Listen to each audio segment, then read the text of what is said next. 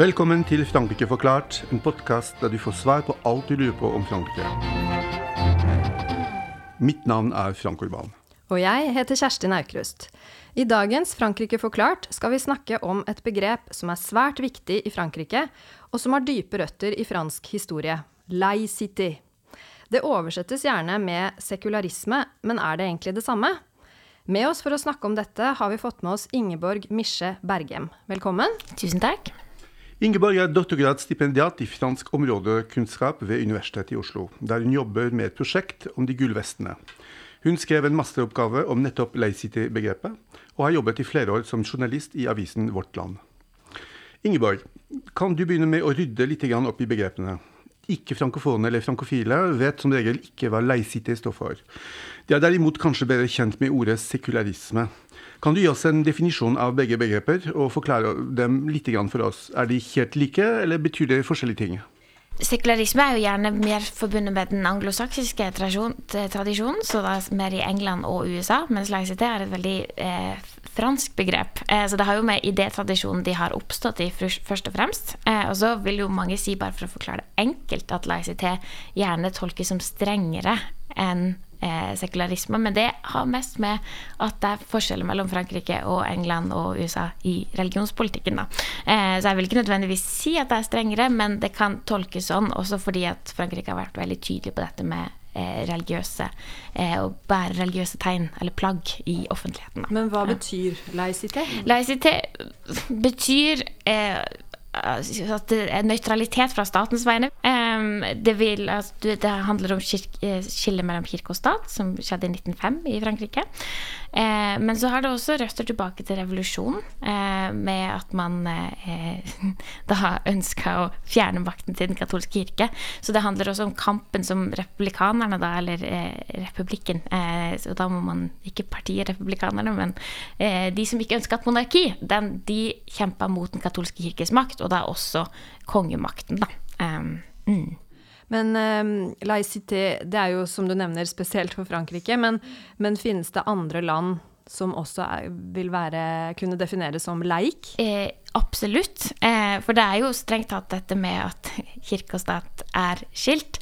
Tyrkia f.eks. er laik, for det er offisielt sett et skille mellom eh, religion og stat. Men så er det et veldig religiøst land. Så det har, ikke, det har ikke med religiøsitet i befolkningen å gjøre. Det har mer med den institusjonelle skillet, da. Men du sier at det er flere land som er leik. Mm. Men, men, det som er spesielt for Frankrike, er jo at du har fått en konstitusjonalisering mm. av, av eh, laicité, som mm. står i, i, Grunnloven. Du var inne på dette med laicité, eh, altså opprinnelsen. Eh, og du, du, nevnte franske revolusjonen. Men kan man gå enda lenger tilbake i tid? Eh, eller er det, er det, der man bør begynne eh, når man skal gjenfortelle historien om eh, laicité? Eh, jeg ville gjerne begynt der. Eh, fordi at man må tenke på den franske revolusjonen. Man hadde tre stender. Sant? Man hadde de adelige, så hadde man kirka, og så hadde man tredjestanden. Og når tredjestanden gjør, ønsker å gjøre et opprør, da, så er det både mot kirka og mot de adelige. Og det henger veldig tett sammen, for den katolske kirke var veldig, en veldig viktig del av eh, kongemakten og absolutist, det absolutistiske regimet. Um, sånn at den eh, krigen, hvis man kan kalle det, mellom de to Frankrikene, altså det katolske konge-Frankrike og det republikanske eh, laik-Frankrike, det vil jeg si begynner da. Og så er det en stor konflikt utover 1800-tallet. Eh, eh, og da handler det særlig om for, de, for republikanerne da, å eh, fjerne noe av den religiøse makten i samfunnet generelt, men særlig i skolesystemet. Um, så det å eh, laisisere eh, skolen blir veldig viktig. Og allerede på 18, altså man begynner med lovgivninger, og på 1880-tallet så blir skolen eh, Den religiøse pensumet blir fjerna fra skolen. Da. Eh, og man prøver å sekularisere, for å bruke et norsk ord for det. I, I, hvilken grad, Du snakket om revolusjonen altså, som var på en måte en politisk prosess. I hvilken grad var dette også et resultat av en intellektuell prosess, av en kultur, kulturell prosess? og Da tenker jeg spesielt på opplysningstiden. Ja, absolutt. Hvor sentralt det er, der, begrepet? Det er jo der tankene kommer. Og eh, samvittighetsfrihet, individuell frihet, frihet fra eh, autoriteter eh, osv. Så, videre. så det har man jo hele, hele Voltaire f.eks. er jo kjempeviktig for denne eh, tanketradisjonen. Tankefrihet. Eh, så det er jo der det kommer fra. Eh, men det viser seg vel politisk først og fremst gjennom revolusjonen, da. Mm. Så revolusjonen ble en slags akselerator for en, for en ellers intellektuell og kulturell prosess ja, som hadde vært absolutt. i flere tiår. Og som fortsetter utover 1800-tallet. Mm, og 19. Men Frankrike har vært et katolsk land i over 1000 år.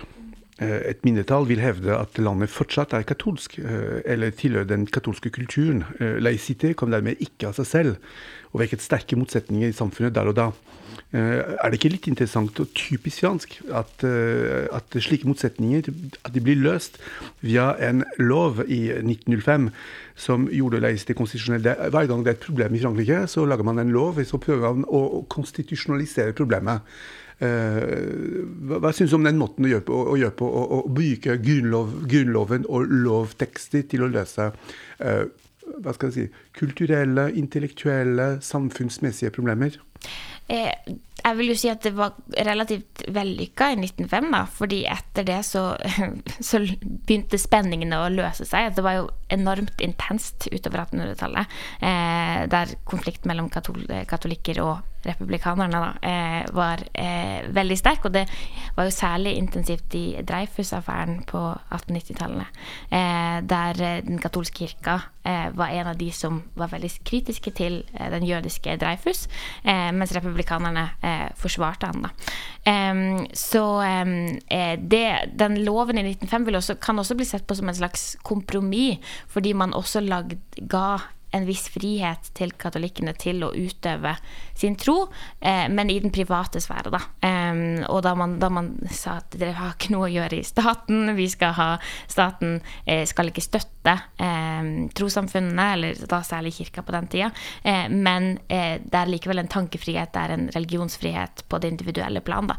Og det mange vil si at det var en ganske liberal lov, og spenningene roa seg etter hvert eh, utover 1900-tallet. Og det ble ikke ordentlig anspent igjen før da eh, innvandring og islam da, eh, gjorde at laicité ble veldig hot igjen på 80- og 90-tallet. Men Kan vi komme litt tilbake til det? ikke sant? For Alle snakker om laicité. De færreste har sett Grunnloven, f.eks. De, de færreste har sett grunnlovsteksten.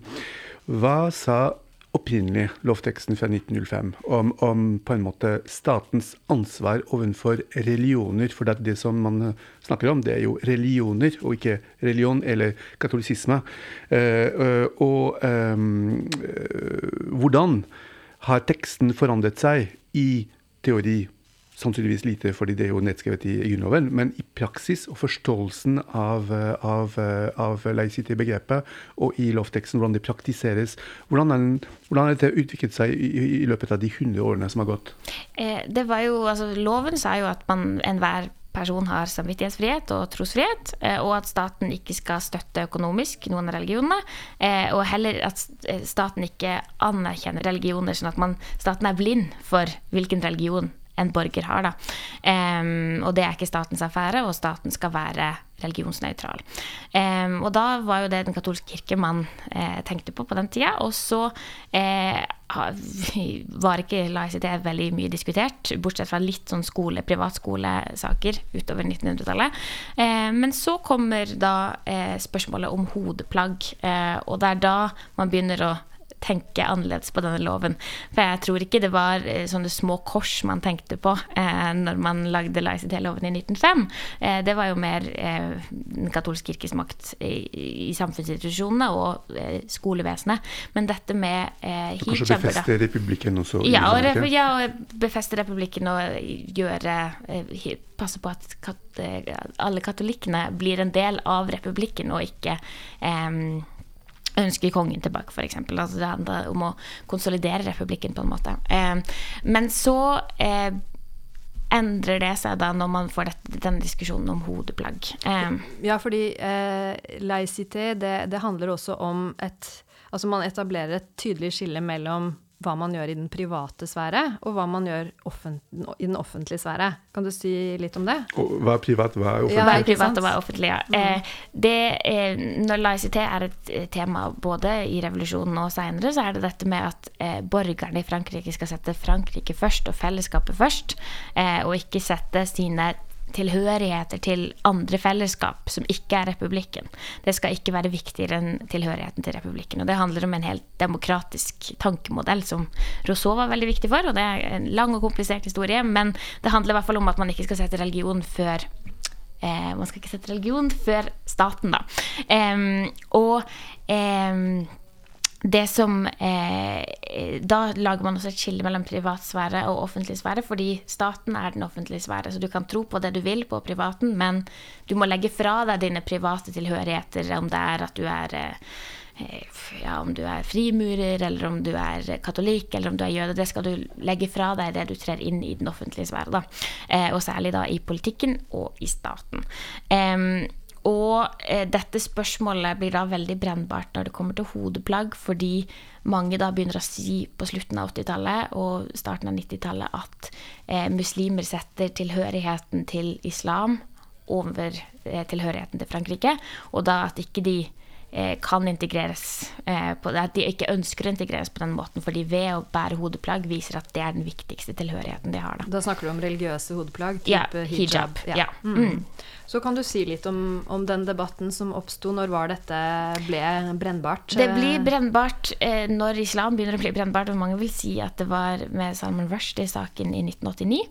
Eh, som egentlig ikke skjedde i Frankrike i det hele tatt, men eh, der det var denne fatwaen mot Rushdie og noe mange franske intellektuelle eh, engasjert seg veldig for.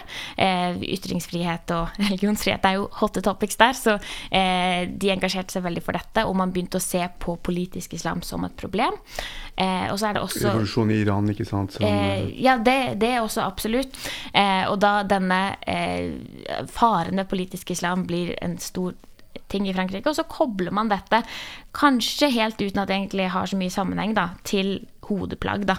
Eh, og at man bruker det da som et eksempel på at eh, når man går med hijab, f.eks., eh, og særlig når barn går med hijab, så viser det at man at islam er viktigere enn Frankrike. Um, og det blir en svær diskusjon, eh, og det settes ned en kommisjon. Eh, politikere diskuterer det. Eh, og i 2004 da så forbyr man altså store, prangende eh, religiøse symboler eh, i skolen eh, og i det offentlige generelt. Da. Um, og eh, det rare var jo at det var jo ikke så veldig mange barn som hadde hodeplagg eh, eller gikk med hijab før dette ble en stor sak. Men så blir det enormt polarisert og politisert, og det på en måte så er man jo Det blir en ond sirkel. På en måte. Men de falt jo, de falt jo ganske fort da, altså, etter den første oppblåsningen. ikke sant? Det gikk en fem-seks år, så gikk det, det, gikk seg til, og så ble det færre tilfeller av eh, barn som nektet å gå på skole. ikke sant? Det foreldrene som protesterte. Og så og så falt det til ro, egentlig, før en ny utblåsning kanskje litt senere. Ja, 2001 og 9-11, sant. Ja, ja. Eh, men det jo, blir jo en sånn identitetspolitikk eh, fra begge parter, egentlig. Der eh, kritikken i media på den ene sida gjør at kanskje folk vil at barna skal bære hodeplagg osv. Um, mm.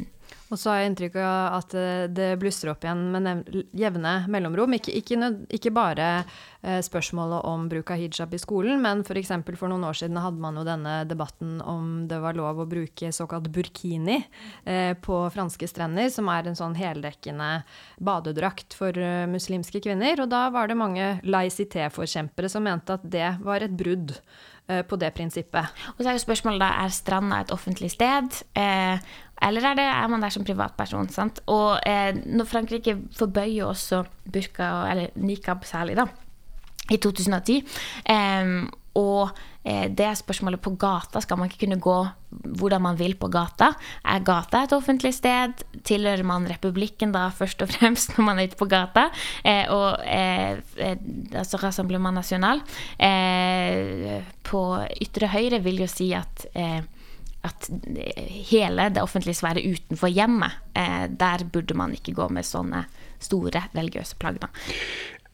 Laicité, det er kan, man kan si at det er utgangspunktet et apolitisk begrep. Uh, altså, det er likevel lenge blitt forsvart av den franske venstresiden. Og de siste årene har man sett at den konservative høyresiden og uh, høyrepopulistene fra hva man skal kalle dem, fra Marine Le Pens parti, Nasjonal Samling, at de har brukt laicité-begrepet nærmest som et slags politisk verktøy mot etablering av islam i Frankrike. For uh, kanskje ikke å risikere å bli dømt for islamofobi. Uh, Kan du si litt mer om hvordan uh, Marine Le Pen og partiet og Nasjonal Samling baker inn på en måte diskursen om laicité, eller baker sin, islams, uh, sin islamfiendtlige holdning i diskursen om laicité? Eh, altså Nasjonal Samling er jo Under faren til Marine Le Pen, Jean-Marie Le Pen, så var jo det kjent for å være et ganske katolsk parti. Eh, og kjempa for eh, katolske verdier, familieverdier osv. Og, så videre, og var også mer åpent eh, rasistisk. Han sa jo bl.a. at eh, holocaust var et komma i verdenshistorien, en detalj. og så antisemittisk, eh, prokatolsk eh, osv. Og eh, problemet da er hvordan man skal gjøre sånt parti mer renslig eller mer spiselig da, eh, i, i, en moderne tid. Um, og det er det Marine Le Pen har prøvd. Og laicité-begrepet er et sånn nøkkelbegrep der i hvordan hun har prøvd å rense opp i diskursen. Eh, og da eh, Hvordan skal hun være muslimfiendtlig uten å gå på rase, f.eks.? Eh, I hvert fall ikke åpent. Eh, og da har hun adoptert da et begrep som har vært viktig i den republikanske tradisjonen i Frankrike, og som egentlig hennes eget parti har vært kritisk til, som er da laicité. Um, og det hun sier da, er at hun er den eneste som virkelig nå forsvarer det republikanske idealet om laicité. Eh, at alle de andre har gått gone soft eh, på muslimer. Eh, noe de virkelig ikke har, hvis du ser i, på Frankrike generelt. Men hun mener at hun er den eneste som forsvarer det, da. og er den som har tatt et, hun har tatt et veldig tydelig oppgjør da, med folk som går med hodeplagg, f.eks., og er for veldig eh, strenge regler eh, på man, hvilke typer religiøse plagg man kan gå med i offentligheten. Da. Og hun etablerer vel et eh, Altså hun behandler, er mitt inntrykk, hun behandler ikke eh, muslimer og katolikker eh, på samme måte når det gjelder tolkningen Absolutt av laisitet. Ikke. Nei. F.eks. at hun syns det er helt uproblematisk å ha eh, julekrybbe ja, Gigantiske julekrybber midt på torget i en liten by. Ja. Eh, for det er en del av den franske tradisjonen, sier hun. Mens laisitet-begrepet var jo egentlig antikatolsk, men hun, jo, hun snakker om en katolaisitet, på at, at katolisismen og laisitet går hånd i hånd. Hun lager også en veldig eh, sterk kobling, som har vært der i den republikanske tradisjonen nå, men som hun tar til det ekstreme da, ved å si at eh, muslimer setter islam foran eh, Frankrike, og at de derfor ikke kan bli ordentlige franskmenn. Men den utviklingen du snakker om nå, uh, hvordan uh, Marine Le Pen og hennes parti bruker laicité-begrepet, er det grunn til å være bekymret for laicité sin framtid i Frankrike? Hva, hva tenker du om den utviklingen? den har jo det er veldig stor oppslutning eh, hos franskmenn generelt. Og det er også et begrep det er stor enighet om. Um, og ja, hun bruker det eh, veldig aktivt og til det ekstreme, men eh, det virker som den generelle politikken ligger ganske fast. Eh, og altså, man kan jo være bekymra over eh, muslimers vilkår og deres mulighet til å praktisere sin religion i Frankrike generelt. Men eh, jeg tror at begrepet har så sterke røtter i det franske folket generelt at det skal litt til å, å rokke ved det. På slutten av hver episode ber vi vår gjest om å komme med en fransk anbefaling. Hva er din anbefaling til våre lyttere, Ingeborg? Jo, i sommer så har jeg lest eh, selvbiografiene, eller to bind i selvbiografiene til Simone de Beauvoir. Eh, hva er det det heter på norsk? 'Betegnelse fra en veloppdragen ung pike' eh, og moden alder. Eh, det er sikkert mange som har lest Det annet kjønn, eller i hvert fall deler av Det annet kjønn. Eh, men jeg syns faktisk det er gøyere å lese selvbiografien. Eh, de får et annet blikk på henne som, som, menneske. Eh, og filosofien pipler ut på alle sidene likevel.